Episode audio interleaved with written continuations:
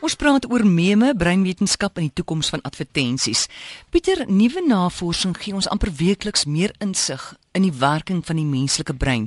Nou, watter navorsing is daar gedoen rakende die breinprosesse wat ons dryf om besluite te neem?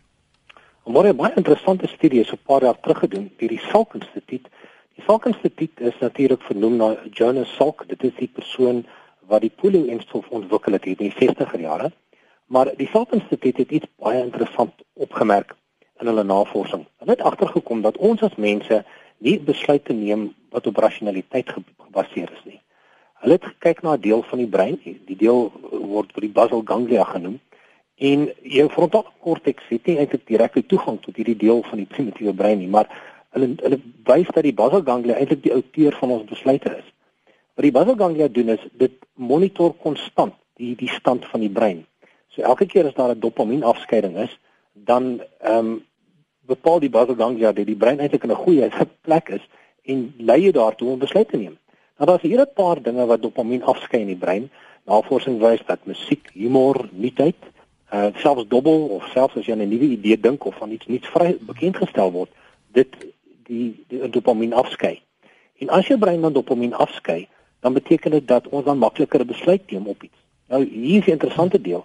Nadat ons die besluit geneem het, dink ons dan aan 'n rasionele rede hoekom ons wel die besluit geneem het. So jy neem 'n besluit mm. rakende die nuutheid van iets, maar dan nadat jy die besluit geneem het, vra jy jouself maar hoekom doen ek dit? En on, on nie dat jy heeltemal bewus is daarvan mm. nie, maar jy maak dan ehm um, redes op hoekom jy wel die besluit geneem het wat jy gemaak het. Dis amper as my MBA studente. Hulle hulle het almal een of ander probleem wat hulle wil oplos. Ah. Dan kom hulle met 'n oplossing uit en dan sê hulle nee, maar hulle sal navorsing uitdink om te bewys hoekom my heel eerste idee vir oplossing die regte een is. So dis wat wat mense is en wat eintlik baie interessant is, is dat die voertuie wat ons aankoop, die huise wat ons koop, selfs die mense met wie ons uitgaan, gebaseer is op besluite wat ons neem wat nie op rasionele denke gefokus is nie. So jy sal byvoorbeeld 'n voertuig koop en maar iets nuuts is waarvan jy hou en dan besluit jy om die voertuig te koop. Dis hoekom die persone op die vloer altyd weet om al die goedjies in jou uit te wys wat nuut is, want dit dryf 'n persoon om om dan 'n besluit te neem. So dit het 'n geweldige groot impak op hoe ons na realiteit en breinwetenskap kyk. En watter mate speel nuwigheid 'n rol in ons alledaagse bestaan? Dis hoekom mense na radio luister. Dit gaan oor nuutheid of nuwigheid. Die Engelse term is, is novelty. Ons in die oggend lees ons ons koerant want ons, ons voel lekker, ons brein is in 'n goeie omgewing as ons nuwe inligting kry.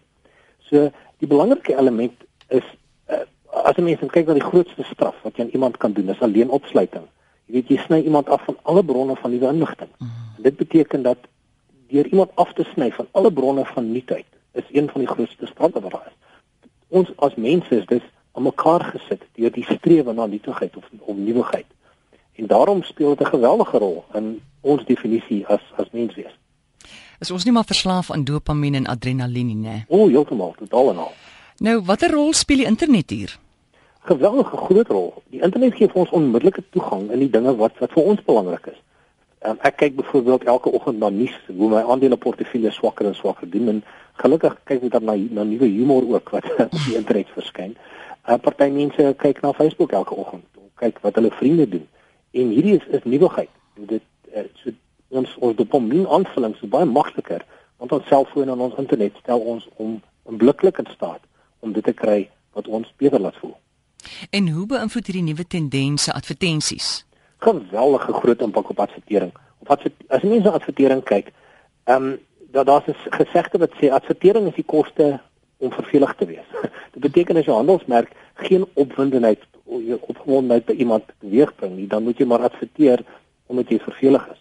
En wat ons nou begin sien is dat in die verlede het handelsmerke 'n megafoon benadering gebruik. Bring advertensie uit op televisie of laat honderde duisende mense na jou handelsmerk kyk. Maar ons sien al hoe meer en meer dat die meer effektiewe handelsmerke fluisterveldtogte is. Nou fluisterveldtog beteken ek sien iets op die internet, ek vertel iemand daarvan, jy vertel iemand anders. Kom ons kyk na al die toeps wat jy op jou foon aflaai, as jy nou 'n slimfoon het. Is meeste van die toeps wat jy het omdat iemand anders jou daarvan vertel het. Jy het groot advertensie op TV gesien oor 'n toep nie. Kyk na TV, hoeveel advertensies van toeps is daar? Baie baie min. En meeste van hierdie inligting kry jy uit jou vriende wat met jou kommunikeer. En die internet en slimfone maak dit soveel makliker om iets interessant met iemand anders te deel. Dit beteken as jy dus 'n um, handelsmerk het wat baie interessant is, dan kan jy dit maklik met iemand deel, 'n handelsmerk waarvan jou of wat jou verbeelding vasvang. En jy deel dit met iemand en dit is die nuwe manier om handelsmerke aan die mark bekend te stel. 'n Ander interessante element is wanneer iemand 'n advertensie uitbring en hulle spot met jou advertensie. Ek dink van die mense wat op die internet en YouTube is, sal weet van die Old Spice advertensie wat hulle so jare wat teruggebring het of selfs Gangnam Style. En binne 'n kwessie van dae of selfs weke is daar iemand wat spot met die oorspronklike weergawe deur hulle eie video's te maak. Die Engels daarvoor is spoof, maar ek het glad nie idee wat dit Afrikaans genoem word nie. Um en dit beteken dus dat mense uh, die handelsmerk baie interessant vind en dan die moeite doen om uh, om dan die spot te dryf en dit beteken dat jy geweldig goed doen. Maar al hoe meer en meer mense kom weet dan van die handelsmerk. En watter rol speel meme in advertensies? En baie interessant as ek die woord meme gebruik, hoe min mense daarvan weet. Ehm um, as jy dit egter aan die jeug noem, dan weet omtrent almal daarvan. Maar die meme het eintlik baie interessante geskiedenis. As ek nou die offisiële definisie daarvan moet gee, is dit 'n idee, 'n gedrag of 'n styl wat van persoon tot persoon versprei word binne 'n kultuur. Ehm um, jy kan byvoorbeeld 'n meme oordra deur skrif, deur spraak, gebare, rituele of selfs nabootsende verskynsels. Ehm um, party mense sê dat Afrikaans is 'n meme of Engels is 'n meme, dinge waarna ons glo of onder mekaar deel. Maar in die internetomgewing sien ons meme as oordragte van mense wat wat soortgelyk voel oor sekere dinge. Ehm um, die Gangnam Style om om dit te gebruik is 'n meme, dis 'n dansstyl en is 'n meme wat dan oorgedra word binne in 'n in 'n sekere omgewing. Die die oorsprong van die woord meme kom van Richard Dawkins se boek The Selfish Gene wat hy in 1977 geskryf het en uiteindelik 'n meme vergelyk met 'n geen so 'n dominante idee te neem gedoen net soos wat 'n dominante geen dominant word in 'n omgewing word 'n sekere idee dominant. En dit is eintlik die agtergrond daarvan. Wat waar meme 'n rol speel in advertering is dat mense sekere idees skep rondom handelsmerke, veral in terme van kompeterende handelsmerke. En dan spot hulle met 'n hele klomp handelsmerke en versprei dit onder mekaar. En dan kry iemand 'n idee van wat die waarde van 'n handelsmerk is of nie en dis baie baie interessant om te sien hoe meme 'n groot rol in advertering begin speel. Skus gou Pieter, is daar voorbeelde in die gebruik van meme om mense se idees oor produkte of handelsmerke te beïnvloed? Ek dink een van die meer uh, algemene meme wat beskikbaar is is hoe uh, mense internetblaaiers met mekaar vergelyk. So, so terwyl die rekenaars nog koning gekraai het voordat slimfone en tablette begin koning kraai het, was geweldig baie internetgebruikers in 'n debat gewikkel watter een van die vyf groot uh, internetblaaiers die belangrikste Safari of Opera of Microsoft Explorer, Google Chrome of Firefox. Dis is die vyf dominante blaaiers. En dit was fascinerend om te sien die hoeveelheid meme wat uitgekom het waar individue hierdie vyf blaaiers met mekaar ehm um, vergelyk. Luisteraars kan uh op een van die soek engines van 'n webwerf soos browsers en dan sal hulle sien al die interessante prentjies wat geskep is. Van uh, gewere wat gevaarlik is want jy sneller trek dan skiet jy jouself raak. As 'n voorbeeld van een na voertuie of of selfs uh, akteurs hulle het selfs hierdie internetblaaiers aan akteurs bekend gestel en die hele idee daar agter was om mense eh, opinie te gee of idee te gee watter blaaier is meer belangrik of um, definitief 'n beter opsie as die ander blaaiers En dit het 'n geweldige impak gehad op die besluitneming van mense.